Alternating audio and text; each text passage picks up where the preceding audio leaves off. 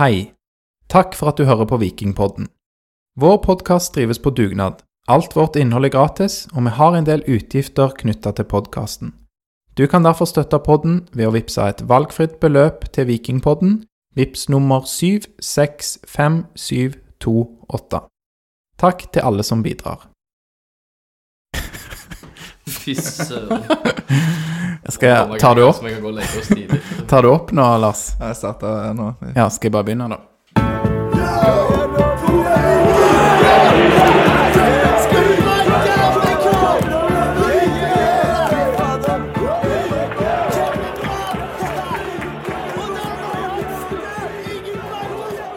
Velkommen til episode 140 av Vikingpodden. I dag har vi vunnet 2-1 borte mot HamKam.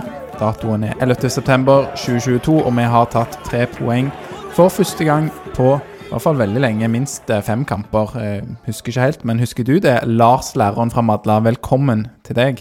Takk, takk. Eh, Veldig solid eh, start, eh, Aleksander. Eh, Som alltid, som alltid. Husker ikke helt, vi har tapt mange kamper. Ja, vi har tapt mange kamper. Eh, Vi har ikke tatt poeng Nei, vi har ikke vunnet på de siste fem, i alle fall. Nei, det stemmer nok, det. Men uh, deilig med seier i dag mot uh, stormakten fra Hamar. Så, uh, så det er godt å slå tilbake etter en tung periode. Mm.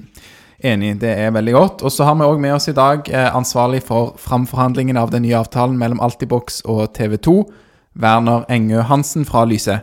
Takk for det. Er det sant? Det har jeg ikke fått med engang.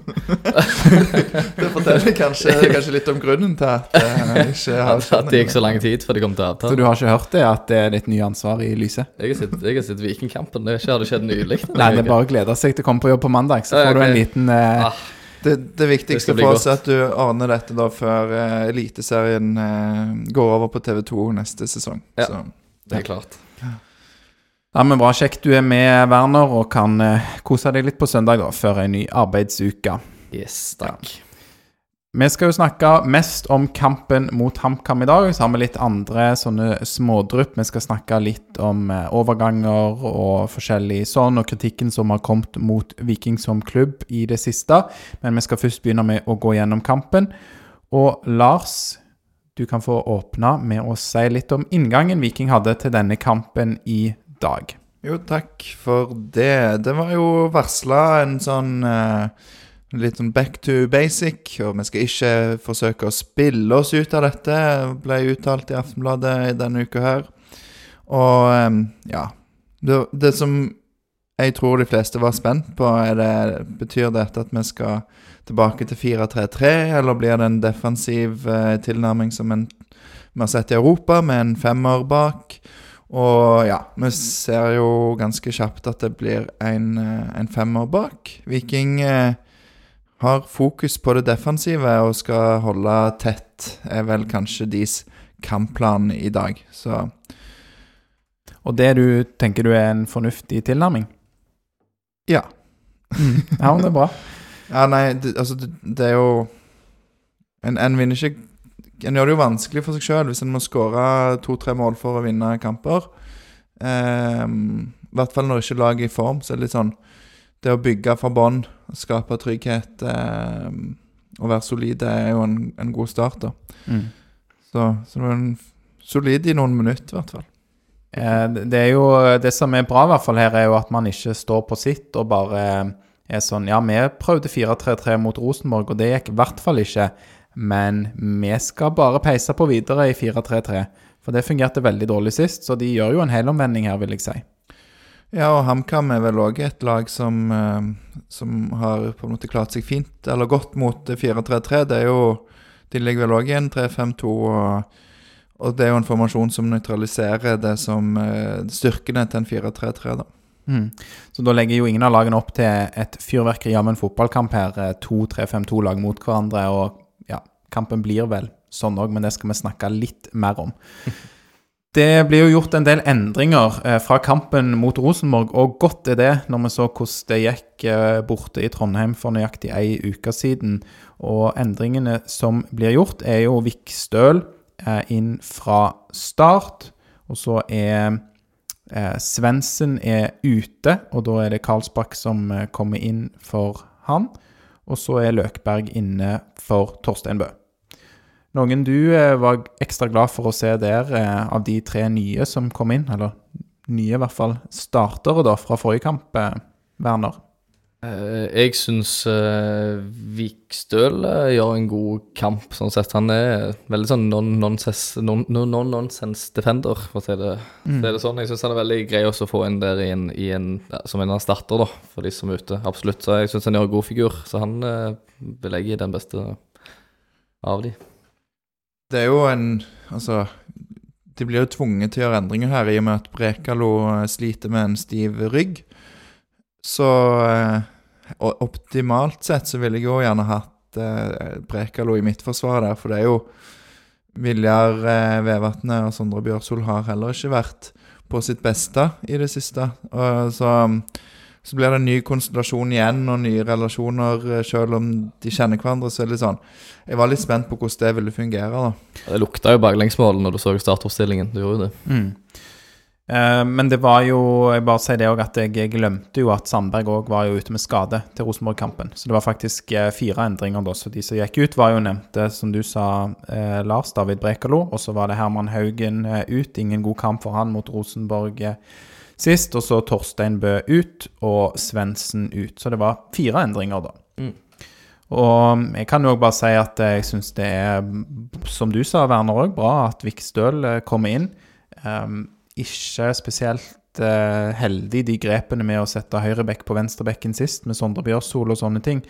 Og har jo vært litt kritisk til det at når vi har en venstrebekk, da, som også kan spille venstre stopper i klubben, at ja, nei, han får ikke sjansen engang. Når vi, sånn som mot Rosenborg sist, da, er nødt til å gjøre disse byttene med både Sandberg og Patinama ute til Rosenborg-kampen forrige gang.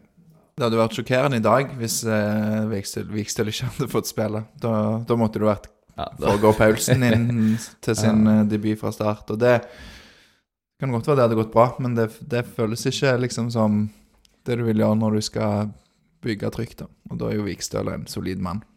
Det er det, og nå håper jeg at han òg er noen hakk lenger foran i køen òg, når vi har eh, flere av våre forsvarsspillere disponible. Så ja, vi får bare konstatere det at det er der vi er, og at eh, å spille 3-5-2 mot HamKam borte, det er, sånn det har blitt. Og vi fikk tre poeng i dag, og det er jo det viktigste. Vi skal gå gjennom kampen, og det kommer et par mål eh, ganske tidlig. Eh, Werner, du kan jo si hvordan du ser starten på kampen og fram til HamKam skårer. Jeg syns, eh, jeg syns det starter greit, egentlig. De eneste jeg syns at det er mye avstand også mellom, som vi snakket om sist òg, at en det er mye avstand mellom spillere og mellom leddene.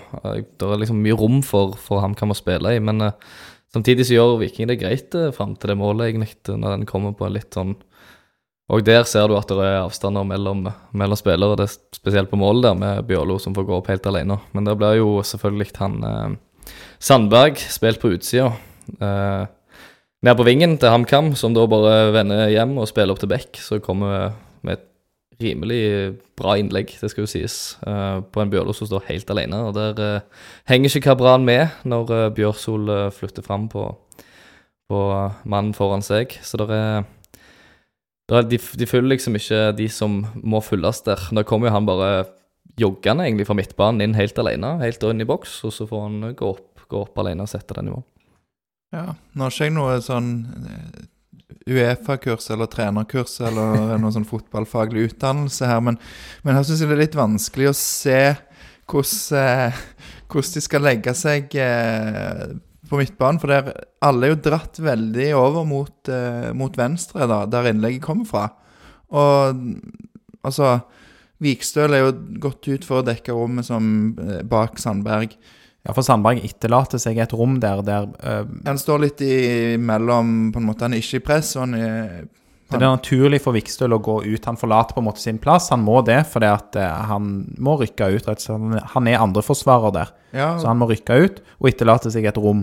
og da blir jo etter hvert Vilja trukket over, men så kommer Sa eh, Solbakken ned, og så ligger det fem-seks spillere, vikingspillere, i en sirkel som på en måte Det er ingen grønne inni den sirkelen, men det er to ute på kanten, og ja. Så det er mye rom bak, da. Det, Mange vikingspillere er trukket mot ballen på, på Viking sin venstre side, da. ja, Alle ser på ball.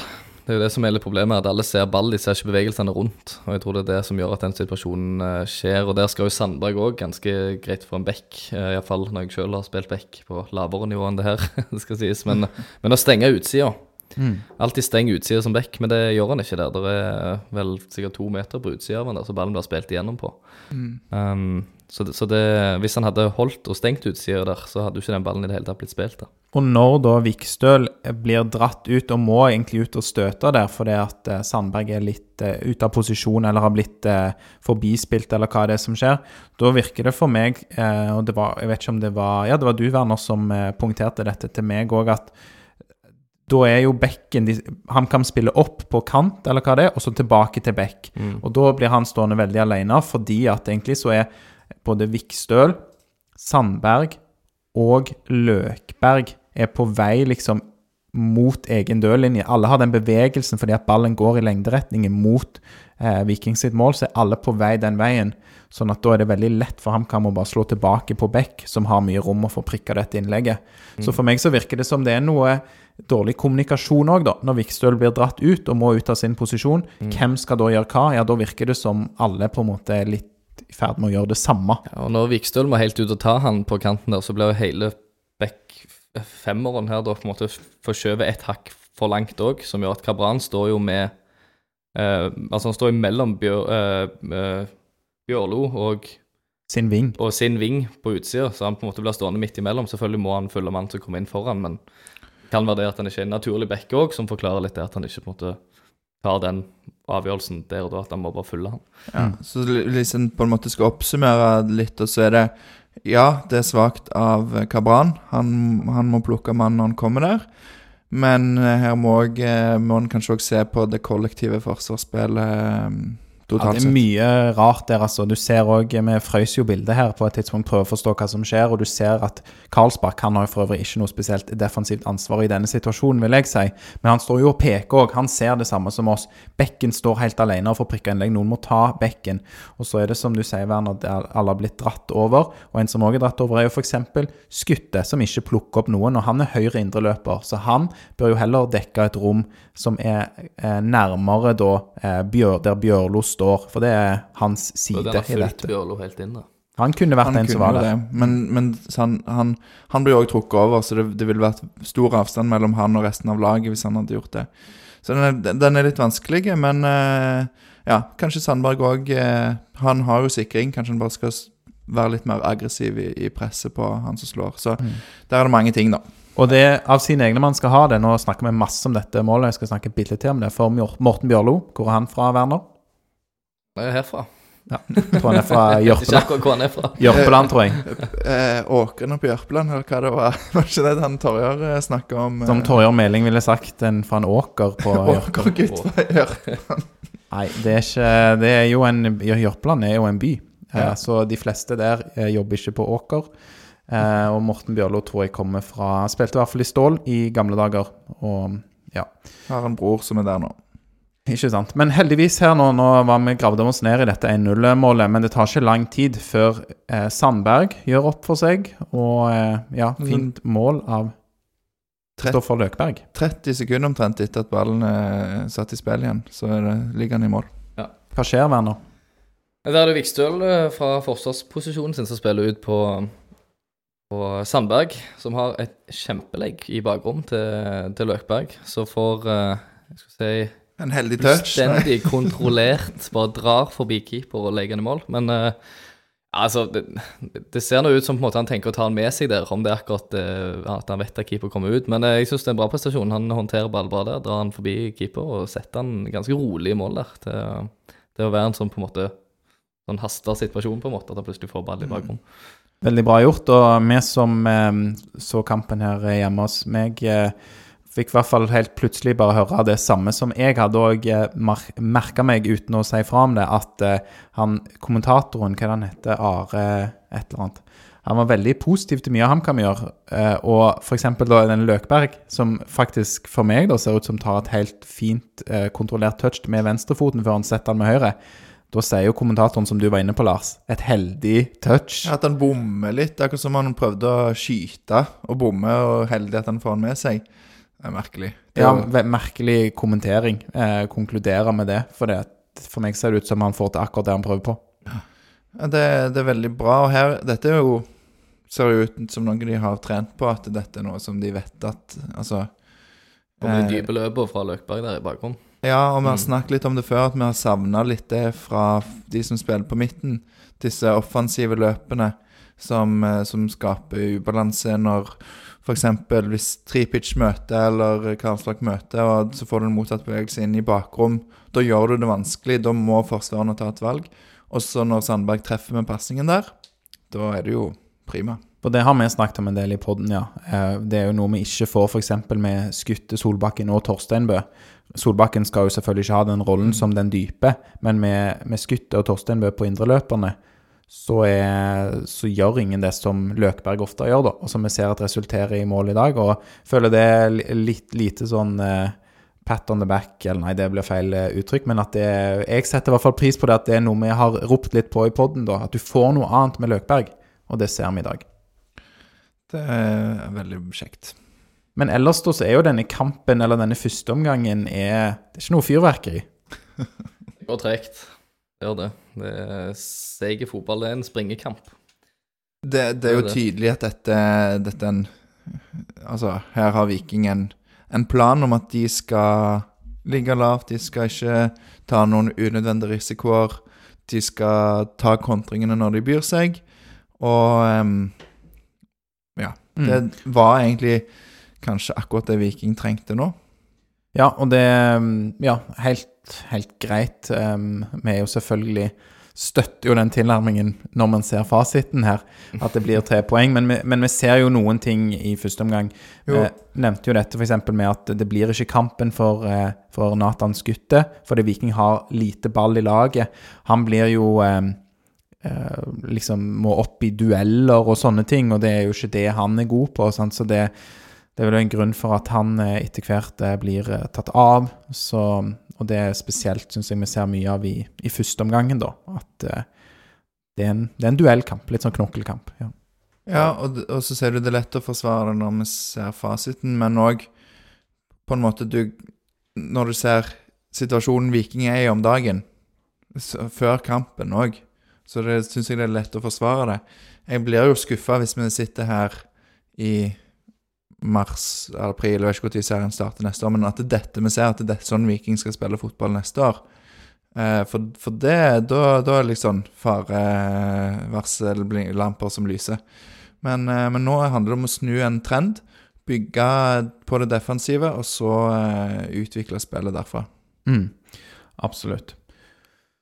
Vet ikke, jeg tror vi hopper rett til andreomgangen. Jeg vil jo si at andreomgangen eh, begynner vel kanskje greit, men etter hvert så er det verre enn den første, vil jeg si. Det er HamKam som har eh, initiativet i, eh, i den andre omgangen, og ja, det er ikke spesielt eh, kjekt å, å se på, men Viking har kanskje likevel de største sjansene. Er det greit oppsummert? Jeg, jeg må ærlig innrømme at den, det første kvarteret fra andre omgang er litt sånn der Skjedde det noe? Ja, Ja, det er kanskje litt vi, vi sitter og ikke husker så mye av det, for jeg tror HamKam har mye ball. De, de skaper ikke så veldig mye. Vi forsvarer oss eh, greit, som òg har gjort det mot langt bedre motstand enn HamKam eh, den siste tiden. I alle fall når vi har spilt 3-5-2. Det er for all del med forbehold om det. Mm. For eh, forrige kamp var, var bås. Eh, det var skikkelig dårlig. Men, men vi ligger jo Altså, vi ligger jo lavere Mm. enn en vi gjør. HamKam presse oss, presse, presse oss lavere i banen i starten av andre omgang enn gjerne de gjorde hele første omgang. Så, så ja, Viking går fortsatt ut og ikke tar noen sjanser uten at det nødvendigvis fører til så veldig mange store sjanser, i hvert fall. En, en stor sjanse kommer jo i det 74. minutt, eh, Werner. Da blir du veldig glad når du ser eh, Tripic på vei alene gjennom. Ah, det der det, det, er så, ah, det er så sykt irriterende å finne på Altså, jeg, hvorfor må det se fint ut der? Du Er tenker på bedre, på? Tripic sin avslutning. Det er han alene igjennom, og det er bare han og keeper det, igjen. den, det er jo en kjempepasning av Karlsbakk der i bakrom, i, og stikker han imellom, eh, imellom eh, en og to forsvarere der. Um, til, til Tripic, så, så springer i bakrom. Han kommer alene med keeper, og der føler jeg at han bare bør sette han. Det er et Viking som er pressa. Det er et Viking som har mange dårlige prestasjoner i hverandre. De skal og må og vil vinne denne kampen. her, Så kommer han alene med keeper, og så velger han å prøve å chippe han eller lobbe han over keeper der. Og jeg vet ikke om den hadde gått i mål om han gikk over keeper heller. Nei, for forsvarsspilleren kunne kanskje tatt han igjen. Ja, Eller om ja, du ballen, man ikke hadde han var på retning mot mål, om han Ja. hadde gått ut forbi. Uh, men uh, det, det bare virker så det, det frustrerer meg å se. Uh, selvfølgelig hadde han gått i mål, så er det veldig veldig fint, men, men det, det gjør han ikke denne omgangen. Sier det faktisk. litt òg om Eller litt symptomatisk for den formen som Tripic har vært i de siste kampene òg, eller? Det kan godt være. Jeg vet ikke, Men da føler jeg òg at eh, når han først skal bevise det, at han ikke bare liksom setter han. Altså Sett han der det er rom, bruk langs bakken. Keeper kommer jo langt ut der. Keeper sant? er jo langt langt Han kunne ute. faktisk runde keeper der sikkert òg, når han er i fart uh, mot mål. Men eh, der velger han en løsning som jeg ikke helt forstår meg på. Men hadde du vært Sendte melding til det med en gang. Det er to på børsen. Ja, Han fikk ikke toer da Tripic, men hadde ikke en veldig god kamp. det hadde han ikke. Men det er ikke sånn Werner, da, at du hadde vært eh, veldig misfornøyd hvis han bare hadde gått langs bakken, sånn, han skutt langs bakken, da, da hadde du vært der. Hvorfor chipper han ikke, eller prøver å runde keeper? Nei, nei. Nei, du hadde ikke det.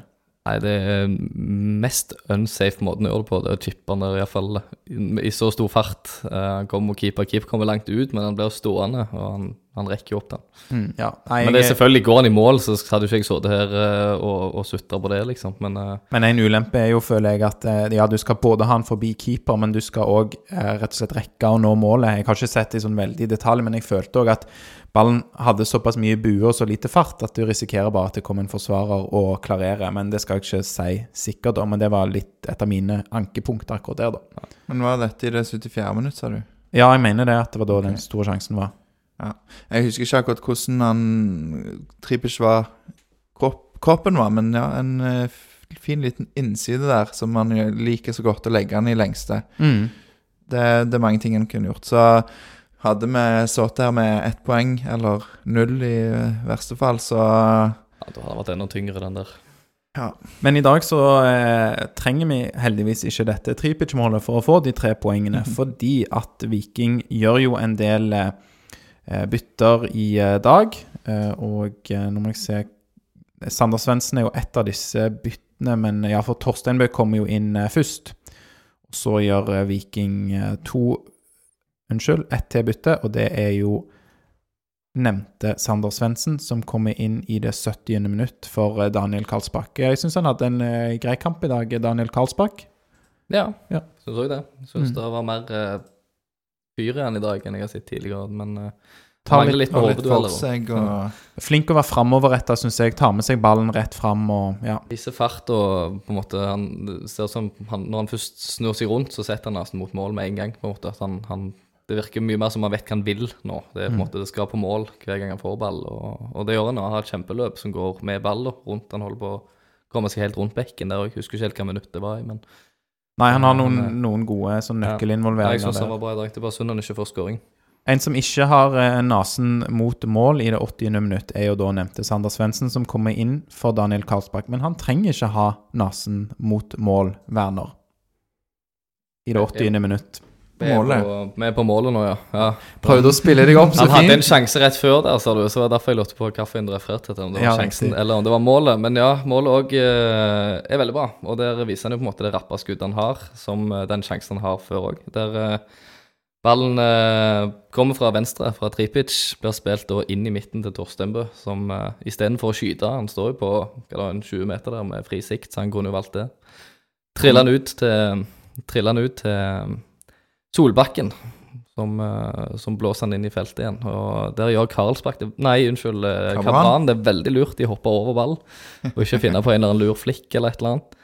Uh, Landås, Sander uh, Nei, uh, Jo. Jo, jo, nå, Sander nå Svendsen. roter du litt med Ja, men det er fordi jeg leser Sandberg her. Det er derfor det ble Ok, ja. Eh, Så tar jeg touch og setter den i mål eh, i, i nærmeste stolpe. Så Mm. fint. Deilig at han får det, og endelig beviser den Veton-erstatteren han er. Ja. Han, han må jo ut og hente her med ryggen mot mål, Få får én touch, og så vende seg og skyte rapt, Mm. som du sier. Veldig bra. Det er en kjapp avslutning mellom beina til forsvareren, og da er det vanskelig for keeper nesten uansett. Så Det er, du, Alexander, som er veldig glad i sånn XG og XGOT og XA og alle X-ene som fins. Ja, ja, ja. Eh, Spør meg om eksene mine. Så denne, denne, den har jo veldig lavt, lavt XG, da. Både XG og XG on target. Lå på noe 0,07 eller noe sånt.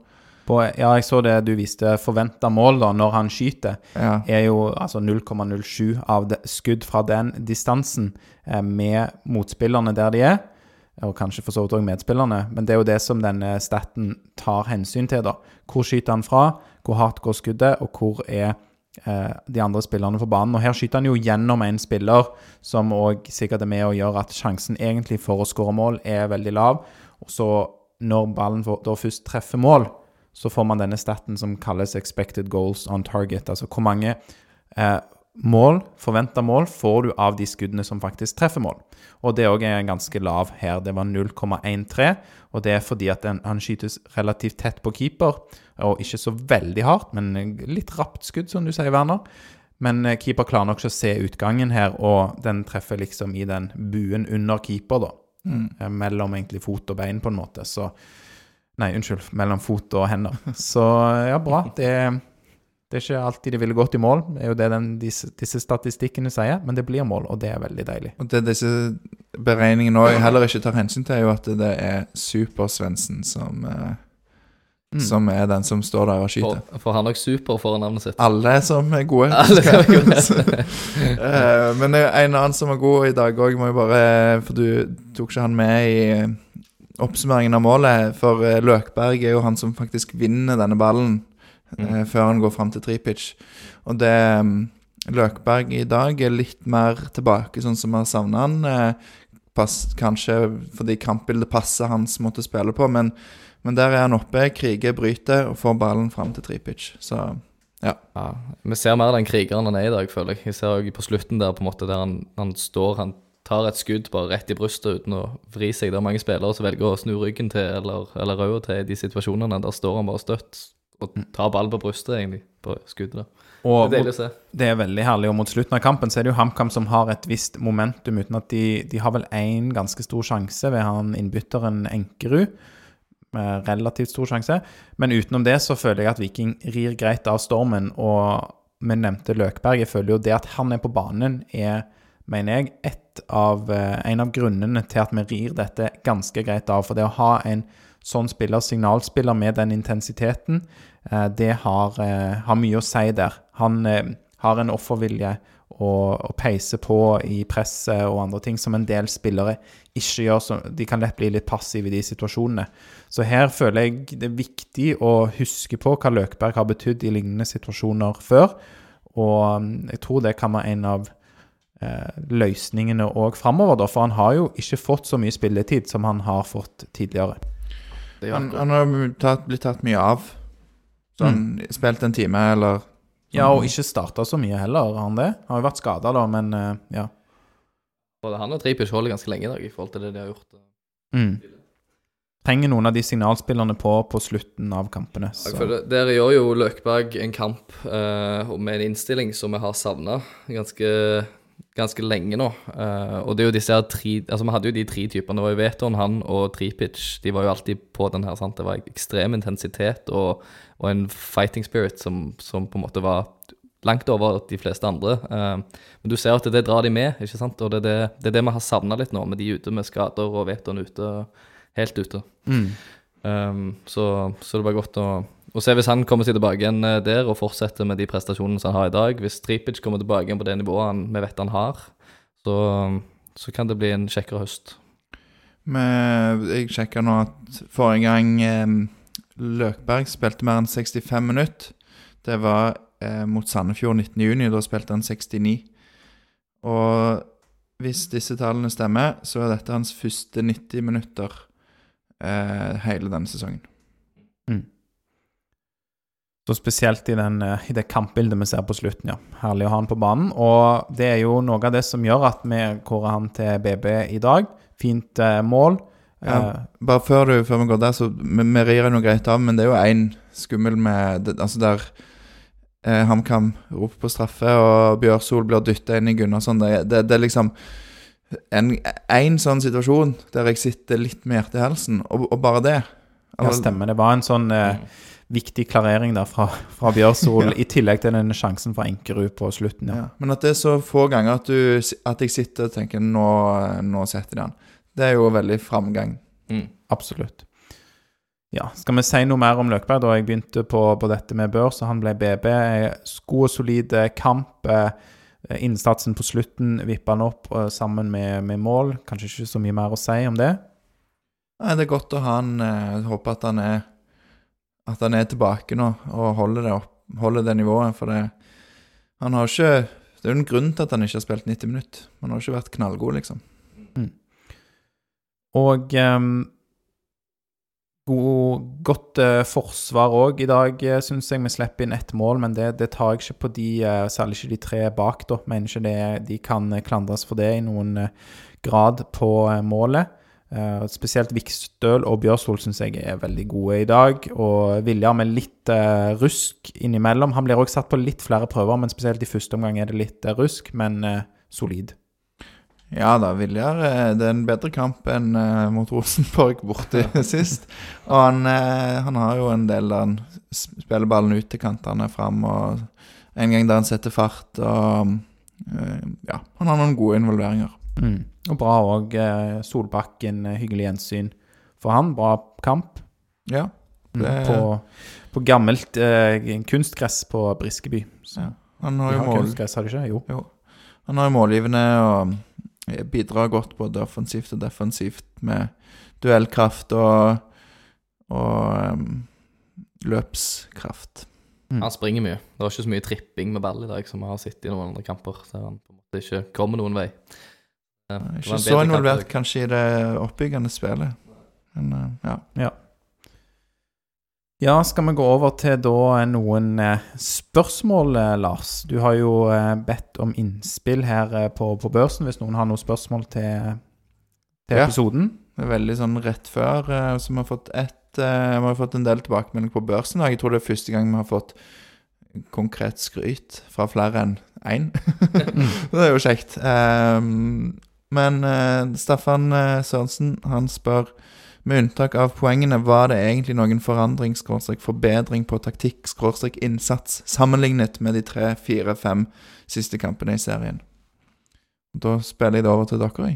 Hva tenker dere om det? Så er Det er spørsmål om det er forandring på, eller forbedring på taktikk og innsats. Altså, jeg har ingenting å si på innsatsen i dag, eh, syns jeg. Ehm, men jeg vil jo si at tilnærmingen, det syns jeg er mye, mye bedre. Og riktignok, det er jo synd, som jeg valgte inne på, at vi må spille en sånn defensiv 3-5-2-tilnærming. For må understreke det òg, 3-5-2 trenger ikke være veldig defensivt, men for veldig mange lag så er det det, og for Viking er det i alle fall det. Det betyr at du har en defensiv tilnærming til denne kampen. Men gjør enkle ting, da. Spill med eh, de spillerne som kan bekle de posisjonene du setter de i. Har du Rolf Daniel Vikstøl tilgjengelig? Ja, det er ikke sikkert at han er den beste venstre midtstopperen eller den beste venstrebekken vi har i troppen, men når vi har skader, ja, så må han få han inn. Og riktignok, vi var tvunget til det i dag. Så, så sånn sett syns jeg jo at trenerne gjør mer fornuftige valg. Eh, det å spille 4-3-3 mot Rosenborg forrige kamp var en fryktelig gambling. Jeg skjønner ikke det. Eh, og jeg er irritert over at de er nødt til å ha fått liksom, den karamellen for å skjønne litt realitetene. Hvorfor i all verden man gambler på den måten som vi gjorde forrige kamp, det er håpløst. Og ja, på taktikk og tilnærming veldig stor forbedring. Det er jo samling i bånn, og altså, som vi var litt inne på, det er jo en ganske kjedelig kamp. Så det er jo ikke sånn veldig kjekt, men det funker, og det det er det. Og, og jeg synes det ser ut som spillerne, bortsett fra selvfølgelig på målet, eh, så synes jeg de, de er disiplinerte og, og gjør eh, sine arbeidsoppgaver, da. Ja, jeg tror ikke det er nå de skal fokusere på å spille kjekke kamper. For oss. Akkurat nå så tror jeg bare de skal fokusere på å gjøre det de må for å vinne Innsats. kampen. Og vise at de faktisk eh, har lyst til å, å altså, komme seg tilbake igjen der de bør være, der de har mer sett i tidligere i år. Eh, og ikke begynne å tenke på at eh, det skal se fint ut. Vinn noen kamper, få litt selvtillit, og så vil det se fint ut etter hvert. Det har vi sett at de kan. Ja. Og Viking er jo ikke kjemperike, så det, det er liksom de tingene som er gratis, som man alltid snakker om, med innsats og disiplin og, og sånne ting. Så, så ja. Så vil jeg òg bare si at nå begynner Sander Svendsen på, på benken, og det tenker jeg er bra. Jeg har etterlyst det litt. Vi snak, har snakka litt om det i poden òg. At når de nye kommer inn, sånn som Skutte og, og Svendsen, ja, så er det kanskje ikke sånn at det er de eh, som skal måtte ta ansvar. For det er jo sånn det teorien blir, da.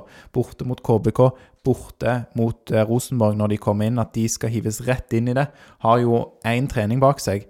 Eh, om, og én ting er når eh, overganger litt tvinger det fram. Ja, Frid Jonsson ut, skutte inn, ok, kanskje logisk. Men òg eh, på, på spissplassen, da, så har jo Daniel Karlsberg starta mange kamper. Så hvorfor skal Svendsen få det ansvaret på sine skuldre? Jeg eh, syns det var bra å se at han var på benken i dag. Ikke fordi at han har gjort det spesielt dårlig, men fordi at eh, ok, kanskje er det litt mindre press, og litt rett og slett bedre òg, å ha de som i alle fall bør kjenne systemet litt bedre da, enn de som kommer inn utenfra. Jeg er på en måte enig, men samtidig så er det jo Det er Karlsbakk som starter, og, og vi har vært inne på det før. Det er mye ansvar som legges på unge skuldre. og han er jo tøff og sier at han, han, han virker jo å takle det bra, men men han eh, Men han òg For jeg er enig med deg, Lars, i det, men han òg forstår jo det at ok, nå har vi solgt Veton, eh, og vi har fått inn en ny spiss, men ja, han har bare vært på én trening. Ok, så skal jeg st st står jeg den òg. Og, og, det må jo gjøre, nettopp gjøre det at det blir litt mindre Han må føle mindre på ansvaret, tenker jeg, da. Ja, kanskje. Men, det er vanskelig å si. Nå er det jo sånn at han, uh, han spiller jo kampen i dag, gjør en god figur, gjør en god kamp, men så blir han bytta ut, og så kommer Svendsen inn, og så skårer han det målet som kanskje Karlsberg ville hatt. Det kan være han sitter og tenker på det, men det blir jo spekulasjoner, da. Men, men, det er jo klart at når de er unge spillere, sant, så er det gjerne sånne ting de går og tenker på at her bør jeg bevise meg på en måte for å få lov til å spille. Du skal ikke gi trenger Altså eh, Ja, du skal gi dem tid til å på en måte få ut sitt fulle potensial, men jeg syns ikke du skal det skal være nødvendig å gi Sander Svendsen to måneder før han nå kan spille fra start. Sant? Altså, nå må han mm. Han må inn, og han må fortsette å vise det sånn som han viser i dag, spesielt. Abs absolutt, jeg er enig i det. Eh, og jeg tenker ideelt sett så burde det jo vært annerledes. At det burde jo vært kampen mot KBK eh, som han slapp å starte når han har, har hatt én trening. Nå har det jo gått eh, halvannen uke, eller hva det er, nesten to uker. Eh, så ja, nå begynner man jo å tenke at ok, nå burde han kanskje vært klar, men eh, det, det, ble jo en eh, lykkelig eh, slutt på det i dag, da, uansett. Ja, passer bra til kampen i dag, og så er jeg spent på hva de tenker om neste, neste kamp. Om det blir Sensen, om det blir 3-5-2 da òg. Det, ja. det, er hjemme mot Tromsø, så det, det blir spennende.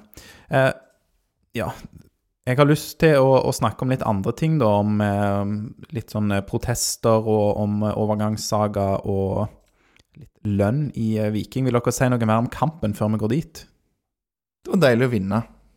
Det var deilig å vinne. Og så har jeg lyst til å dra Hamars eh, beste i dag, som var bortefansen. Og det er strålende å se. Det er deilig å se at folk drar allikevel og støtter laget, og, og de gjør en kjempejobb. Eh, Hører de på Briskeby. gjennom hele kampen ja. på, på TV-en, og, og, en ser de godt igjen òg. Ja. All respekt. All hyllest. Yes. Nei, men Da hopper vi videre. Jeg har skrevet sånn eh, om protester og overganger, har jeg kalt det her, og litt, eh, litt tredelt. Ja, litt om først eh, innsatsen i Eliteserien til laget, og litt om overgangene vi har hatt, og så litt om dette med lønn og lønnsstruktur i, i Viking. Så det er mye. Jeg skal prøve å ikke holde det for langt. Har du hørt episoden med Erik Nevland, Aleksander? Jeg har hørt det. Så jeg ja. følte ikke jeg fikk alle svarene fra eh, Erik Nevland som jeg ønska, men det var en veldig bra episode. Det ja. må jeg si. Um, yes. Nei, jeg vil jo først si det Det var jo sånn etter Rosenborg-kampen, som var en fryktelig svak kamp, at uh, Felt O de uh, hang opp. Det var, det var Felt O som gjorde det liksom i så nå er jo ikke feltet var, helt samla, men Det var i hvert fall Felt O Stavanger la ut på Twitter bilde av dette. Ja. Så, så jeg de, tror det kommer derfra. Ja. Og at de hang opp en del sånne protestbannere da på Vikingstadion, SR-Bank Arena. Um, og jeg tenker at uh, det er bra å gi en tilbakemelding. Timingen var god for det, syns jeg. Um, og ja, substansen i budskapene er jo litt sånn så som så på noen av de bandene, mens andre treffer veldig bra. Og en av de som treffer bra, syns jeg er dette med prestasjonen i Eliteserien og prioriteringene der. Det er jo både viktig og riktig å si ifra om det. Så ja. Uansett om vi hadde fått Europa, så kan vi jo være enige om at eh, prestasjonen i Eliteserien, det var Ikke om dere vil legge til noe der. Jeg har bare gått og grubla og notert flittig på litt sånne tanker jeg har hatt om det. Nei. Nei, men da hopper jeg videre, så bare skyter dere inn. Så, så er det jo mye som har eh, vært eh, sagt og skrevet om eh, overganger, og det har vært mye kritikk der på, på Twitter og andre steder. Um, og jeg syns ikke alt har vært spesielt eh, treffsikkert. Så er det jo sånn med overgangene, da, at vi kan skille på, på, to ting. Det er to litt naturlige kategorier. Det ene er kjøp, og det andre er salg. Og vi har jo gjort eh, begge deler. Um, så det har jo kommet en del kritikk på dette med å bruke penger, at Viking ikke har brukt nok penger eh, i dette overgangsvinduet, og kanskje fått inn feil folk og vært litt sånn bakpå. Og jeg tror jo at om noen måneder om et halvt år og et år, så vil vi kanskje Kanskje vil dette være glemt, kanskje vil vi se tilbake på det. Eh, kanskje i gode perioder så vil folk si OK, alle tok feil, som kritiserte overgangsvinduet, kritiserte navnene vi fikk inn. Eller hvis det er dårlige perioder, så kommer det litt sånn Ja, hva var det vi sa? Var ikke, dette var ikke bra nok.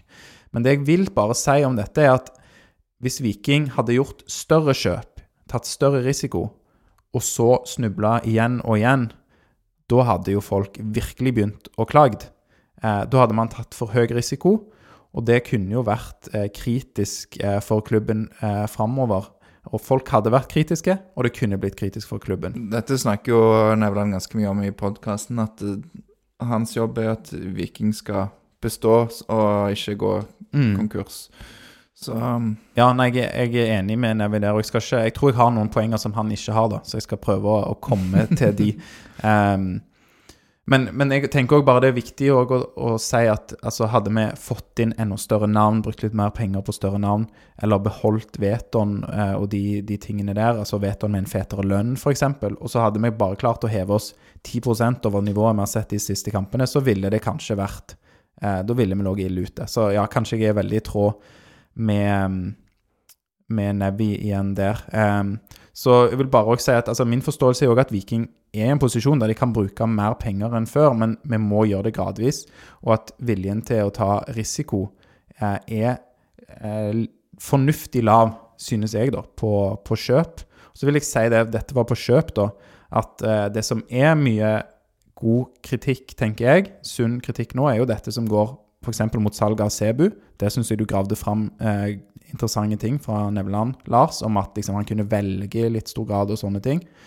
Eh, og så er det jo interessant òg det vi har hørt, eh, som er mer på eh, Får vi inn nok penger, heller på om vi bruker pengene riktig? Det tenker jeg òg er jo et betimelig spørsmål, da. Um, ja.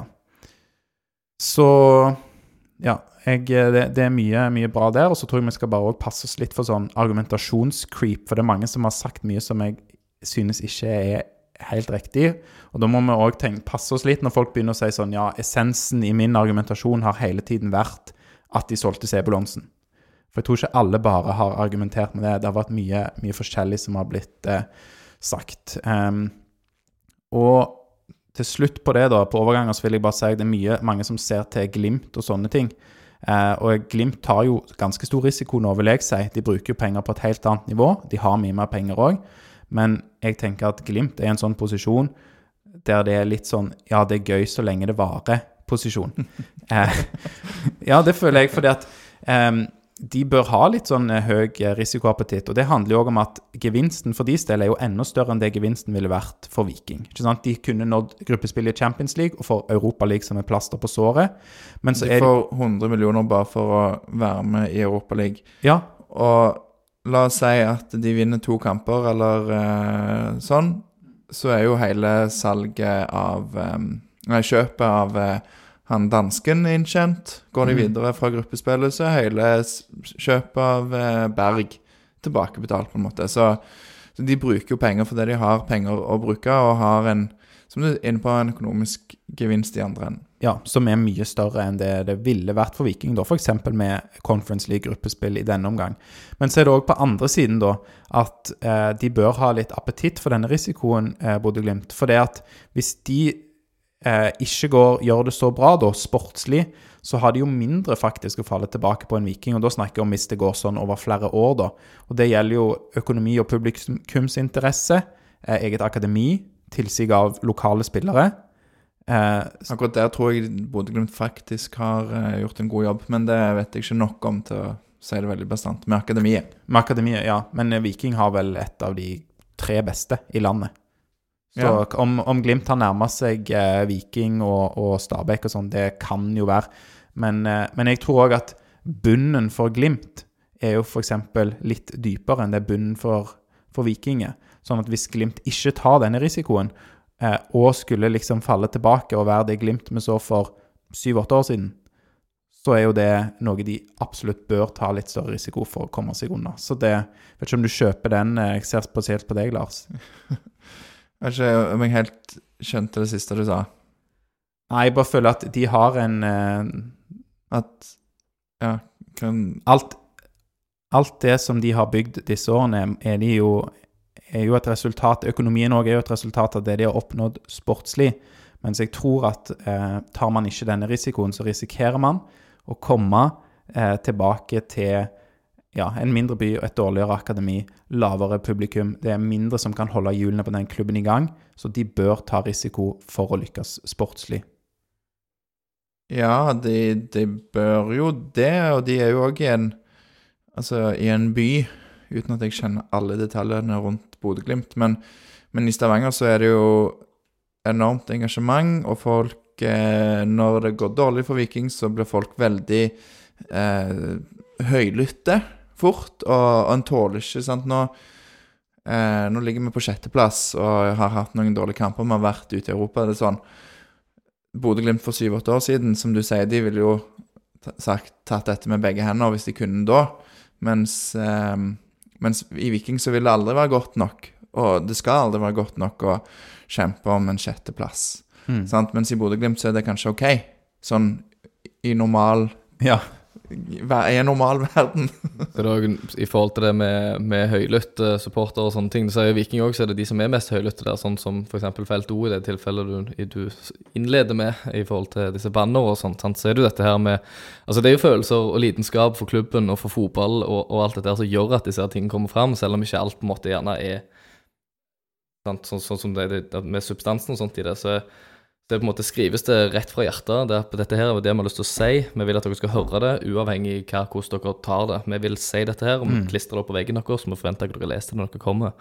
Um, og det er vel Roar Åkerlund som skriver også at det, det her er noe vi gjør fordi at vi også, når vi støtter klubben sånn som vi gjør, og det er mange som bruker så mye penger i dette her, sant? de drar rundt overalt og, og vier ekstremt mye tid til det, så har vi òg en rett til å si fra, og at de bør høre på oss som på en måte bruker Selvfølgelig trenger ikke gjøre alt vi sier, men lytt.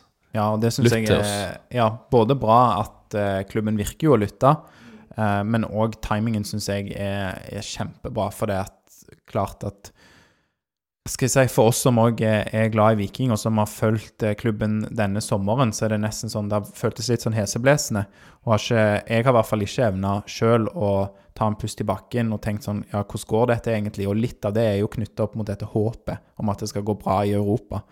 Um, så Og nå gikk jo ikke det hele veien. Det gikk jo ganske bra, kanskje lenger enn mange hadde håpet. Men når vi ser da hva som har skjedd i Eliteserien, så, så syns jeg det er supert at, eh, at, at de gir beskjed nå. For dette er, det er nydelig timing. Ja, og så syns jeg òg at eh, klubben svarer fint på det. Og Nevland stiller her hos oss. Bjørne stiller i felt O og i Studio A, som Aftenbladet sin. Og, og svarer på, på kritikken, og de legger seg jo flate til en viss grad. Ja, At de nå åpner for uh, typ et møte med trenerne, der de òg forteller om taktikk og hvordan de på en måte setter opp, hvordan de bruker spillere og den her typen ting da, nå på torsdag som kommer. Så det blir Torsdag veldig spennende. 15. september klokken syv, var det det? Jeg mener det var det, ja. Nå Ja. Så. Viking-supportere som ikke er på Twitter, for det er i hvert fall der jeg har sett det, de Kan jo sjekke opp det, da. Det Mm. møtet er for åpent for Du må alle melde deg Du må melde deg på, ja. Melde deg på. Ja. Og det var veldig mange som meldte seg på, så, Jeg hørte 400. så jeg lurer på om de har hvor de skal ha det, om det er plass til det. Ekstremt spennende, iallfall. Ja, jeg er jo på jobbreise, da. Det er jeg superglad for på torsdag, så jeg, jeg går glipp av det. Men, Først en dårlig dag for Vikingpodden, så vi, vi allierer oss med noen av våre allierte. som, eh, som kan si litt, røpe litt om hva det ble snakket om der. Ja. Jeg skal bare ta en, en kjapp ting om, om lønn òg. Eh, litt mye monolog fra meg nå. Men det jeg vil bare si, og dette håpte jeg at Nevland skulle si litt mer om. Han nevnte kanskje noe av det når han var gjest i Vikingpoddens episode 139. Um, Litt i kluss med tallene der, men ja, det stemmer, det ble det. Ja. Men, um, men det som er bare viktig, da altså Man har jo snakket Jeg har hørt mange si ja, Veton, vi mangler Veton. Hvis vi hadde hatt han i Europa, så hadde det gått bedre. Mye mulig det. Eh, mye mulig at det ikke ville gjort òg, fordi vi møtte gode lag. Så det er jo selvfølgelig tilfeldigheter i fotball, og hver kamp lever sitt eget liv. Og spiller vi ti kamper mot Stoa, så skal vi sikkert eh, tape et flertall av de, sånn som man ser på kvalitetene på papiret, osv., osv. Men en ting som jeg har lyst til å bare eh, spørre dere om, Werner og Lars. Altså, Si at Veton tjener to millioner kroner i Viking, og for å beholde han da, så øker du lønnen hans til fem. Kanskje det hadde vært nok. Eh, det er vel det han tjener nå i Sverige, men så er det jo sign-on-fees i tillegg. Men si at det hadde vært nok, da. Du øker lønnen hans med tre millioner. Hva er, hva er kostnaden for Viking med å øke lønnen hans tre millioner kroner? Tre millioner kroner pluss sikkert noe sånn eh, Alle de som kan dette med arbeidsavgiver, Ja. arbeidsavgiver Ja, og Jeg har ikke grunnlag for å svare på det, faktisk. arbeidsgiveravgift og, og sånne ting. Um, Det var, ja, det var ikke sånn det liksom regnskapstekniske jeg nei. tenkte på her, men, eh, men jeg bare tenker òg Det er jo fikk jo dette ti millioner, da, bare for å signere. Ja, ikke sant? Så det, så det kan være det ikke hadde vært nok heller å øke lønnen hans med tre millioner kroner i Viking. Men det som jeg bare tenker på, er jo dette med, med kall det et, Nå brukte jeg jo det ordet creep før, da, men lønnscreep. For det at hvis Slatko Tripic Creepic. Creepic.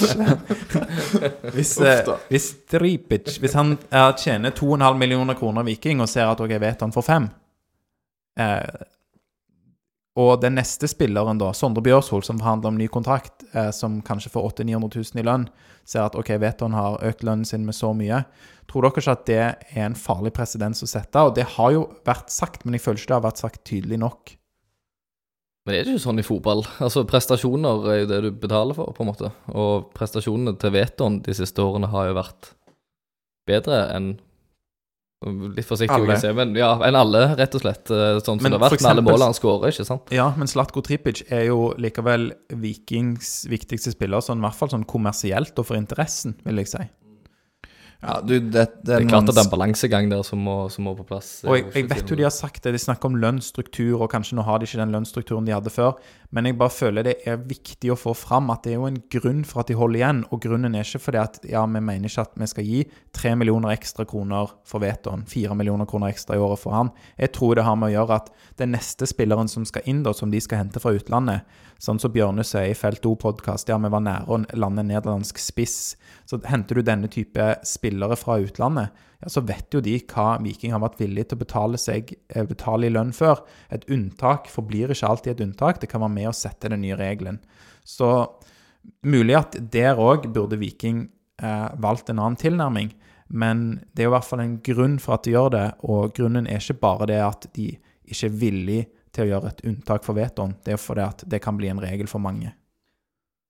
Nå, nå vet ikke jeg hvordan lønnsstrukturen helt er i Viking eh, akkurat nå, men det er jo altså, er noen, Jeg ser noen skrive det der, du kan liksom ikke etablere deg som en toppklubb uten å på en måte legge og litt eh, altså lønnsstrukturen deretter. At da, så det var noen som skrev du kan ikke være en toppklubb med en lønnsstruktur fra førstedivisjon, på en måte, eller fra Nei, og, og det Obos. tror jeg kan være helt riktig, men, men det er jo det at det blir jo en lønnsstruktur. Da øker alle. Og for å litt forenkle si hva folk eh, tjener i Viking, så tjente vel i hvert fall Forrige gang jeg så disse skatteoversiktene, så tjente jo eh, Slatko og Veton mye mer enn alle de andre. Og så tjente ganske mange ganske bra. Eh, litt under en million og litt over. Det er litt forenkla, da. Det er bare det jeg tar på husken.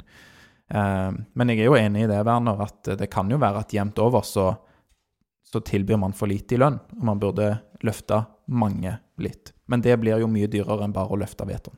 Jo, det er klart, men det er jo òg Altså, Veton kommer jo aldri til å Hadde aldri vært større enn klubben uansett, og det vil ingen spiller noen gang være. Det er først og fremst Viking, og Viking skal fungere som en helhet, ikke sant. Og derfor, hvis du øker da lønnsstrukturen på alle i forhold til Sånn selvfølgelig ikke så mye at det, det ikke går rundt, men, men at du da kan på en måte ha et lag som fungerer bedre fordi at du får gjerne bedre spillere med den strukturen, som gjør at du kan holde deg på et høyere nivå over lengre tid, og at du da på en måte gjerne kan gjentatte ganger havne i Europa og da tjene Mm. millioner på den måten.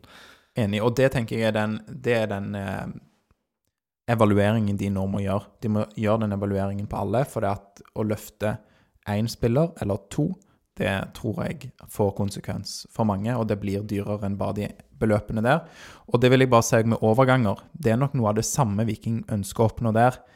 Eh, man kunne jo gjort et unntak nå og overbydd på en spiller for å sikre seg dette, fordi at man var redd for at overgangsvinduet var en slags fiasko, redd for reaksjonen fra folk.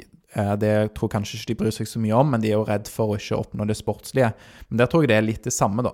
Man ønsker ikke eh, å sette en sånn presedens der man eh, ja, jeg vet ikke, byr 12 millioner kroner for en spiller de mener de burde fått for fem, fordi at det er med å sette en, en presedens. De, Viking, Viking ønsker å signalisere til andre klubber at OK, vil du ikke selge denne spilleren for fem millioner kroner, som vi mener er en fair pris, eller kanskje litt over en fair pris, ja, da går vi til neste spiller. Det er nok de, veldig viktig for de å signalisere.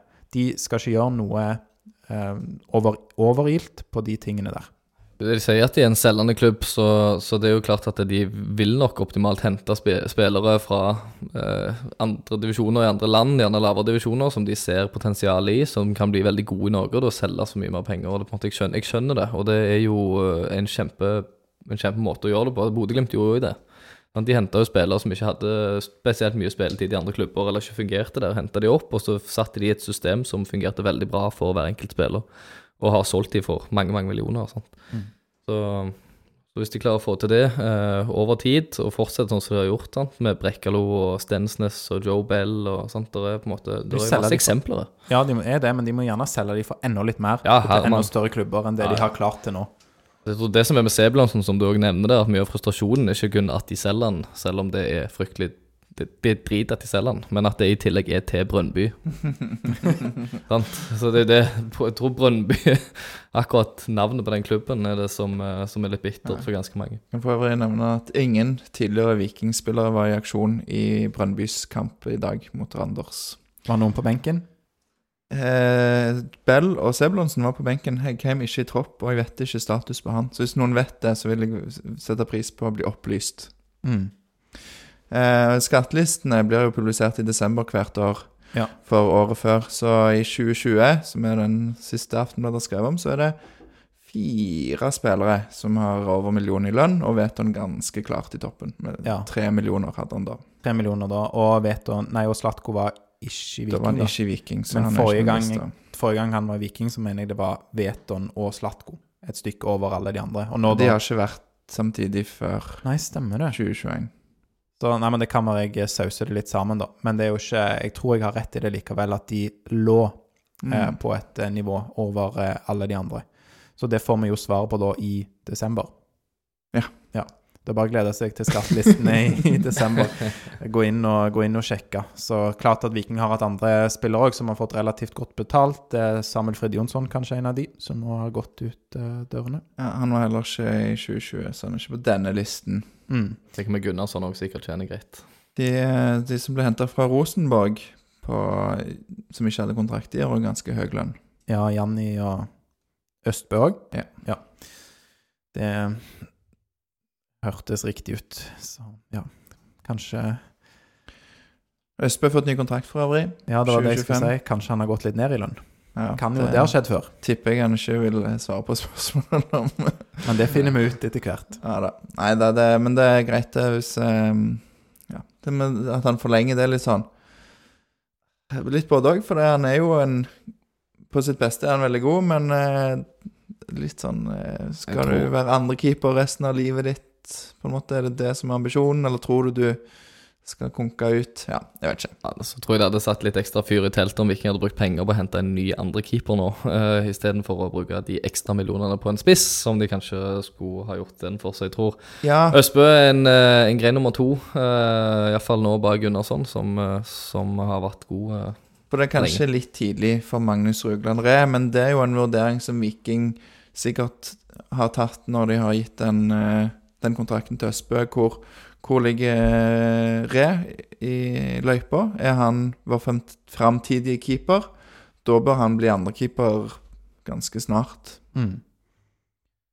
Det vet de, har de, vet de nok litt om, ja. Og jeg ser ikke nok på andrelaget heller til å kunne si noe om det. Vurdere keeper er jo veldig vanskelig, syns Mm. jeg. Det var til 2025 han signerte når Østbø, var ikke det det?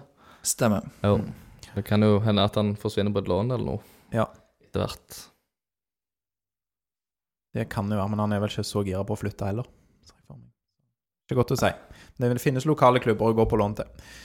Um, ja, jeg eh, tenker at vi skal da si tusen takk til alle som har vært med å støtte Vikingpodden i sånn rent økonomisk. For det vi har, som nevnt tidligere, hatt eh, ganske mye utgifter med podkasten siden vi starta den.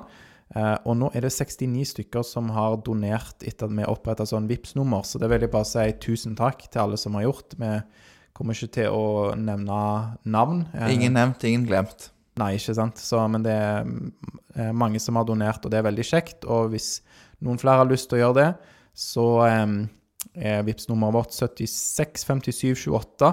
Og du kan òg bare søke på Vikingpodden i VIPS, så kommer det opp. Og alle bidrag hjelper. Hvis du har hørt fire episoder av Vikingpodden og syns at det var skikkelig bra, så kan du jo vippse ti kroner, så er det 2,50 per episode. Så jeg tror det er billig underholdning. Så ja. Mm. Yes. Vi er tilbake om ei uke. Da er det Viking Tromsø. Eh, Første hjemmekamp på fire kamper. Det blir veldig kjekt. Må komme på stadion, da. Vise at vi stiller opp i motgang òg. Det er utrolig kult med mobiliseringen fra felt 2. Så håper folk eh, tar turen igjen og viser Viking at, eh, at det, det er, ikke, er ikke bare i fest vi kommer, vi kommer òg i hverdager. Mm. Det er viktig. Veldig kult med den uh, hashtaggen de oppretter med Felto. Den uh, hashtag uh, stopper aldri oss. Ja. Den, bruk, den, bruk den på alt som har med Viking i sosiale medier, så får vi lufta, lufta alt litt. Grann. Skal rett på TikTok og Gå på TikTok. Legg ut en dansevideo nå får du legge deg. Ja, stopp aldri meg, stopp aldri oss. Eh, veldig bra. Eh, da avslutter vi med å si én, to, tre Heia Viking!